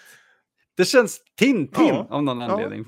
Och det, det är inget illa med det, det Precis. känns bara lite Mm. serietidning. Eh, och det, då tar de ju Marion och så tar de arken och drar. Eh, och här är väl det, jag har alltid undrat när jag var liten, jag hoppas de inte åker under vatten, det är ju ändå en ubåt, men de måste väl antagligen åka hela tiden jäms med vattenytan då antar jag. Mm. Men, för det är ju åtminstone är det ju inte krigstid det här. Så när jag, när jag var liten kom, så glömde jag jämt bort att det var, för jag associerade jämt nazister med andra världskriget, så tänkte jag det var under kriget. Mm. Men det här är innan kriget, så det finns ingen anledning att de behöv, måste åka under vattnet riktigt. Men jag, tänk, jag, tänk, Nej, jag är övertänkte jämt för 36. mycket, men åker de under, hur kan han, hur kan han överleva? De måste ju åka hur långt som helst. För han, han hoppar ju på ubåten liksom. Och är på utsidan då antar jag hela vägen till någon så här, vad är det, Kreta, någon ö, jag vet inte vad det är för några. Anonna, ja. han, de, man ser ju hur han Mm. klättrar upp på, på ubåten där och eh, kaptenen, vilket är också en fantastisk scen, det är ju en mörk kapten eh, som nazisterna, det är ju det, bara den lilla Mm. detaljen att kaptenen är mörk och nazisterna är ju uppenbarligen inte mörka. Precis. Eh, gör, gör det spännande. Och så står han där och liksom bara yes! Han, för han ber dem ju sök upp Indy, vi måste Mm. varna honom att de har tagit Marion. Och så ser man bara, äh, jag har hittat honom. Ja, var, var då? Där! Och så pekar de och så ser man hur han klättrar upp och alla står och jublar och han så här, han Just vinkar det. lite och så man ser att han är trött och han bara fuck it, jag har simmat till en ubåt. Och sen, så, vart, vad ska jag göra av mig? Och bara okej, jag får väl stå här. Där är ju så här, än en gång, precis som när de hittar stenen där de blir nedkastade i kryptan, att de har lite tur. Han har lite Mm, tur. Hade ja, de liksom hela, hade de åkt 100 meter under vattnet hela vägen dit, då hade jag varit kört för. Ja, och det, det är liksom, jag är Ja. okej med det. det. Det är ju den här suspension Mm. of disbelief. Det är okej. Hade det varit under krigstid hade jag inte köpt det. Faktiskt. Den detaljen har jag inte tänkt på. Nej. Men eh, nu kommer vi till ön. Och det är nu, Nu kommer vi till en. eh, på något sätt så får man ju fram just det här idén med, vad är viktigt för honom? Det är att saker ska lämnas till eftervärlden sett till det historiska. Det historiska är viktigt, så när han står där och siktar en bazooka mot gänget som kommer gåendes med eh, arken och säger att han ska spränga arken, så gör han det inte för att han kan inte riktigt det.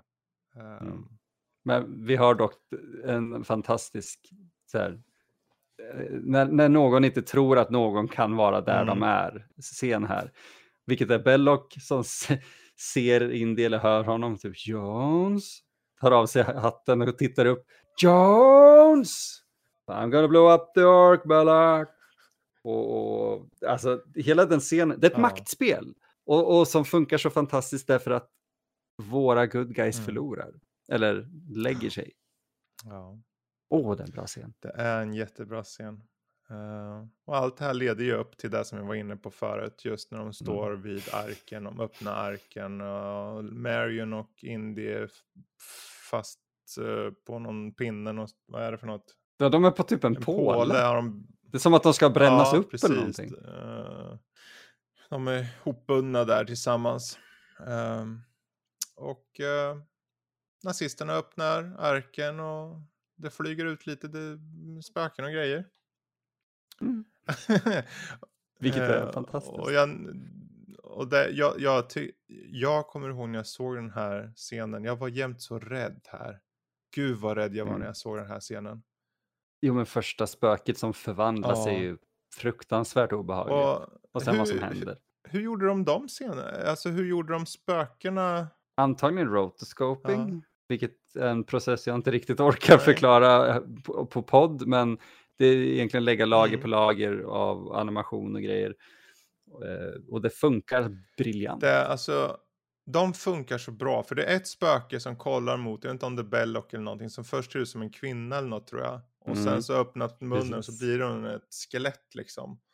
Och när jag såg den igår tänkte jag, fan vad bra det här. Jag fort, fortfarande får jag lite så här att håren ställer sig lite, bara för att det är så bra. Mm. Jo, det är ljuddesignen där med och hur Ja. musiken ändras från något så här, åh vad fantastiskt, ska du inte titta på det här Jones?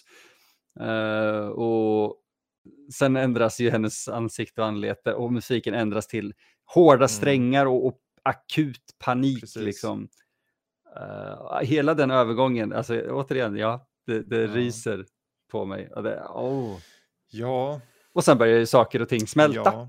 Och smälla. och Ja. smälla. Det är just den, de, jag vet inte, om det är det som kanske fick mig att se om filmen. Att jag pushade mig själv hela tiden för jag ville se och ville komma till det där slutet. Jag ville se dem spränga huvuden och smälta ansikte på nazister och, eh, och penetrera ljus genom kroppen och ögonen på soldater Mm. bränna ihjäl dem. Eh, liksom. Eh, och det var någonting, det är inte att jag satt där och var tillfredsställd av det, var mest att det var så fascinerande och så mystiskt och så Mm. filmiskt framför allt. Det var sån ton av vad är det för något som egentligen händer och hur kan de och kom igen, du måste stänga ögonen Indiana Jones och Marion. Och vilket de gör då. Varje gång satt jag ändå där och tänkte, Mm. men kom igen, stäng nu, stäng nu innan det är för sent. Bara håll igen dem, håll igen dem. Titta inte på det. Och, och varpå då som sagt eh, Bellocs huvud sprängs och nazisterna de smälter. Och, Jag älskar verkligen att han sprängs därför att han skriker så panikartat genom hela den här sekvensen och sen så fort han sprängs så tystnar Ja. skriket. Vilket är självklart kan det låta som, men det är så väl inarbetat i händelseförloppet och, och scenen att det, det är lite det som sätter punkt för ja. crescendot som håller på att ske. det är ju inte ett jävla, det är ett jävla sätt att gå. Ja, Fan. Bara slafs kvar av huvudet. Jesus. Och det är fantastiska scener som fortfarande ser Ja. bra ut. Det är, oh. Nej, alltså, och där, där till slut, det, är liksom, det skjuts upp i himlen, det är massor med, eh, vad nu det är för något gasliknande grejer och så försluts Japp. den. det är det enda ljudet som saknas, de får göra en remaster. Ett pop. och så börjar de att kika fram lite så här, vi, kan man titta nu? Nu verkar det vara lugnt. Och det liksom det, Mm. varenda, jag vet inte, var alla nazister borta också va? Mm. Alla är borta, det är bara de två. Och eh, ja, och sen blir det bara efter, sen blir det epilog liksom. Eh, Mm. Arken tas in på ett jättestort, eh, eh, agenterna, alltså de här FBI eller vad det var för någonting, de ska ta hand om, de ska, vi sätter våra toppmän på det här. Who? Who? Toppmän. Top man. Och så ser man bara just det enorma precis lagerhuset från typ Amazon eller någonting där de bara kör den här jävla eh, vagnen. Ja, och det är liksom, det, på något sätt, när jag ser det där på slutet så blir det så mycket, för det, de liksom zoomar ut och man ser alla lådor och min fantasi när jag var liten bara skenade. Bara, vad har de egentligen här? Gud vad Mm. mycket de har. Tänk om allt är typ lika farligt. Exakt. Det är en blandning mellan typ SCP och Mm. Arkiv X liksom. Det, det är just det där, vad är det de har här egentligen? Är det, äh, göms den här bland mindre Mm. farliga grejer eller kanske till och med alltså, vanligt lager? Eller är det farliga grejer som hålls här? På något sätt så såg jag det, nu, nu jag såg det nu häromdagen så tänkte jag varför ska man ens sätta upp för uppföljare när du bara kan göra så här? Din fantasi det är bara klart. skenar så här, åh, här finns det, tänk om bara en tiondel av det här är hemliga eh, eller saker som Indiana Jones har varit med om, till exempel. Mm. Eller en, en procent liksom, det finns hur mycket som helst här. Jag hade exakt samma Och Man tanke. behöver inte sätta upp som att "Hå! jag har hört från han. Och så är det, sätter de upp för någonting som de nu gör i alla filmer nu för tiden. Men här sätter de Nej. upp, du vill veta mer, du får ett fint slut och de går hand, liksom armbåge i armbåge tillsammans och eh, är skärmiga och härliga. Hon lyfter upp hans, berätta på hans eh, härliga Fedora-hatt. Eh, eh, och eh, sen är det där liksom. Ja, Jag skulle argumentera just att det här är nog det sättet du ska göra en, en Mm. tease eller en cliffhanger på. Att det finns mer, men det är över nu. Istället för att göra, jag vet att det blev en grej det här, det är lite kul antar jag med post credits i Mm. Marvel-filmer, men det visste vi också att det var planen att det skulle bli Precis. fler. Där igen för Eh. att få en tease, det är ju en annan sak också just. Men det, just den här enkelheten som du är inne på Mm. nu, det är helt rätt. Det är så mycket bättre. Eh, Mm. För din fantasi Mm. går, du lämnar allting Precis. öppet och du säger inte i sten att det här Man vill bara kan se mer uppföljas. alltså. Och det, alltså. Jag ska ju Ja. plöja de här två andra och se, Åh, tveklöst. ja. Men, Eh, ja, vad vill du ja. säga? Nej, jag skulle egentligen bara säga jag ska försöka plöja två saker nu framöver. Det ena är White House, eller rättare sagt Vita huset som heter West Wing Ja, ja. Mm. med Martin Sheen som jag har lärt mig är en briljant Mm. serie och Indiana Jones. Så jag ska se två dunderamerikanska Mm. saker som är fantastiska på helt olika sätt men har typ samma eh, poäng på Precis. IMDB. Så det, eh, det känns som en bra, eh, en bra Mm. plöjning. Vad skulle du säga? Ja, ja, nu tänkte jag bara fråga, vi om vi går lite på det personliga planet. ehm, vi har ju pratat om filmen och filmen har alla sett säkert och ni har hört de här eh, sakerna som jag pratat om och sett framför allt. Men Emil, när du växte upp då, när såg du först den här egentligen? Jag ska försöka fatta det kort. För att vi hade, eh, som vilken småstad som helst, eh, som jag växte upp i, så hade vi ett par Mm. mackar. Och de här mackarna hade självklart inte bara bensin eh, och porr och eh, Mm. cigaretter, utan de hade VHS-filmer. Och då hade de eh, ett eh, stativ med Indiana Jones, ny samling där med VHS-släpp. Eh, och jag hade, du vet, jag hade hört om det och jag hade ju sett Star Mm. Wars. Men så var det ett, en av de här mackarna jag var på, jag var okej det här ser charmigt ut, Indiana Jones, jag tror jag var, måste ha varit typ Mm. 10. Jag vet inte riktigt om jag var äldre eller yngre, men, men 10-årsåldern någonstans där. Och köpte, jag tror, om det var sista korståget eller Temple of Doom Mhm. först. Och jag minns att jag bara tyckte det var helt Mm. fantastiskt. Eh, Så varje så här, månad eller vecka eller hur det nu var, under en kort period, så kom jag tillbaka dit och använde vet, mina sparade pengar och mitt allowance Mm. eller min veckopeng och köpte en av de här 99 kronors filmerna. Eh, och det var det bästa jag någonsin hade gjort, alltså rent pengamässigt i den här. Vi hade fortfarande, du vet, en sån här snurrtelefon hemma, vilket bara det sä- sätter ju tiden lite grann. För att, att gå och svara i telefon med en sån för att man har pausat sin VHS med Indiana Jones, eh, det är liksom minnen jag kommer bära med mig Ja. väldigt lång tid. Och, och jag har kvar, jag, jag, nej, har jag det? Jag blev lite osäker på om jag har kvar dem. För jag vet att jag gjorde mig av med hela min VHS-samling för att det gick inte att flytta Nej. runt med det. Det var så många kassetter. Men de tre kassetterna fanns kvar Mm. väldigt lång tid i alla fall. Eh, och det var några jag höll väldigt Mm. nära hjärtat. Så när, när, var, när var det du såg dem första gången? Ja, först, just Raiders såg jag ju säkert som ganska ung. Jag vet inte, men jag kan inte säga riktigt i vilken. Jag skulle gissa runt 10 till 12. Mm. Ehm, Vilket eh, är runt 90 då. 89-90. Och det var ju passande för eh, lä- sista korståget kom ju ni- 89 där. Ehm, Mm. Jag skulle tippa nästan på att det faktiskt var tidigare. Det var en av de där första jag lyckades få se. För, och då, mina föräldrar har aldrig varit så mycket för film eller någonting egentligen. De, de, det, det är saker på tv och man tittar på sånt och jag satt uppe sent och tittade på Arkiv X och var alldeles...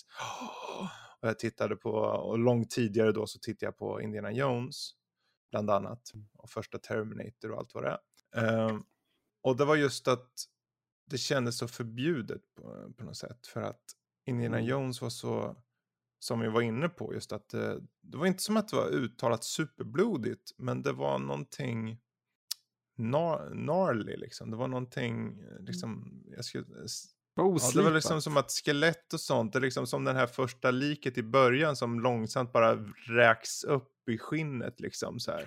Och det känns som så här, lite så här någon gammal halvmumifierad lik som bara köttet viker, viks sönder liksom. Jag tyckte det var så, jag kunde inte få nog av att se på den så just de minnena och just Mm. hela min uppväxt färgades på det sättet att allt, allt var runt det här och Star Wars då kanske. Men mest Indiana Mm. Jones faktiskt. Det fick mig att vilja samla på hattar. Ja, just det. Mm. Eh, det fick mig att eh, vilja liksom vara som Indiana Jones. Han är ju liksom, Mm. han, han, har, han har hjärtat på rätt plats. Han vill att saker och ting ska komma till rätt plats. Inte att han ska ta den här för att sälja de här grejerna. De ska till museum. Så du, Mm. gör, du ska göra det för rätt liksom, ändamål någonstans i slutändan. Och det, tycker jag, det tog jag med mig. Men det, det, det där blir jag så glad av att höra för att han är en oklanderlig Mm. karaktär. Eller hans karaktär kan man säga. men han är också, oklanderlig. och han är samtidigt mänsklig. Liksom. Exakt. Eh, och han är liksom eh, sårbar. Vilket Mm. på både liksom rent eh, fysiskt, uppenbarligen då när han liksom nästan blir ihjälslagen och allt vad det är liksom. Men också just det här med en scen med Marion och det. Mm. Så det, allt det där känner, för mig personifierar det just Indiana Jones det som jag vill, eller skulle ha velat vara liksom. Eh, Alltså vi alla har ju fantiserat om att Mm. vara honom. Hade jag spelat, hade jag gjort en stor roll i Mm. USA så hade det, då hade jag velat göra Mm. Indiana Jones. Eller jag hade aldrig kunnat, men jag hade, det är liksom den rollen jag, jag hade Precis. velat spela. Och någonstans så, vi kanske ska börja runda av, men någonstans så känner jag fortfarande att det finns någonting som de säger i den här filmen som jag känner, om det här passar mig idag. Jag förstår det så Mm. mycket bättre för att it's not the years, it's the Mm. mileage.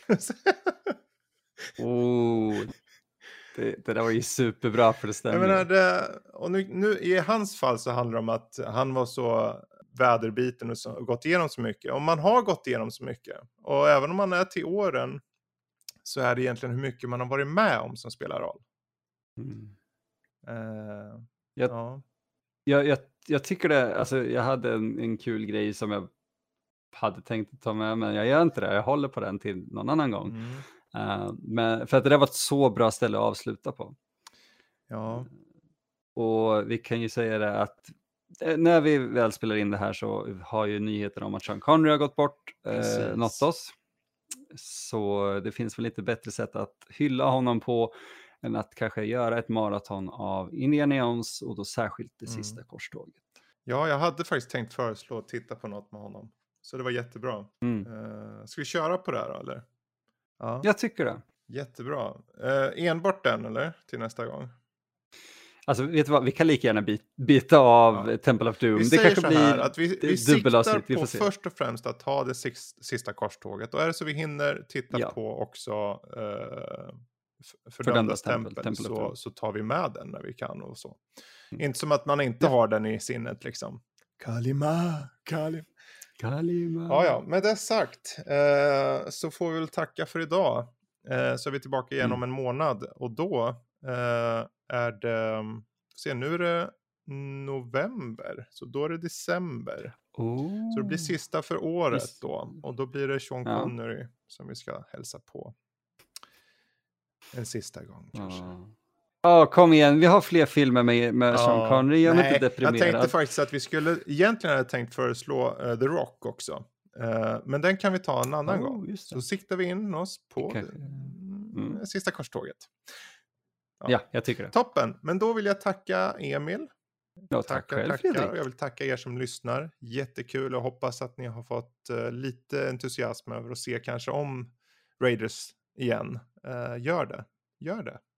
Mm. Så, så, så hörs vi igen nästa eh, gång och då blir det mer Indiana Jones. Då blir det sista korståget. Ja, vi Nu piskar det vidare. jävlar anamma du. Oj, jag hoppa, Fan vad habba. bra. Det var en jävla massa, massa förvriden göteborgska där. Hur som helst, hej då allihopa. Hej då.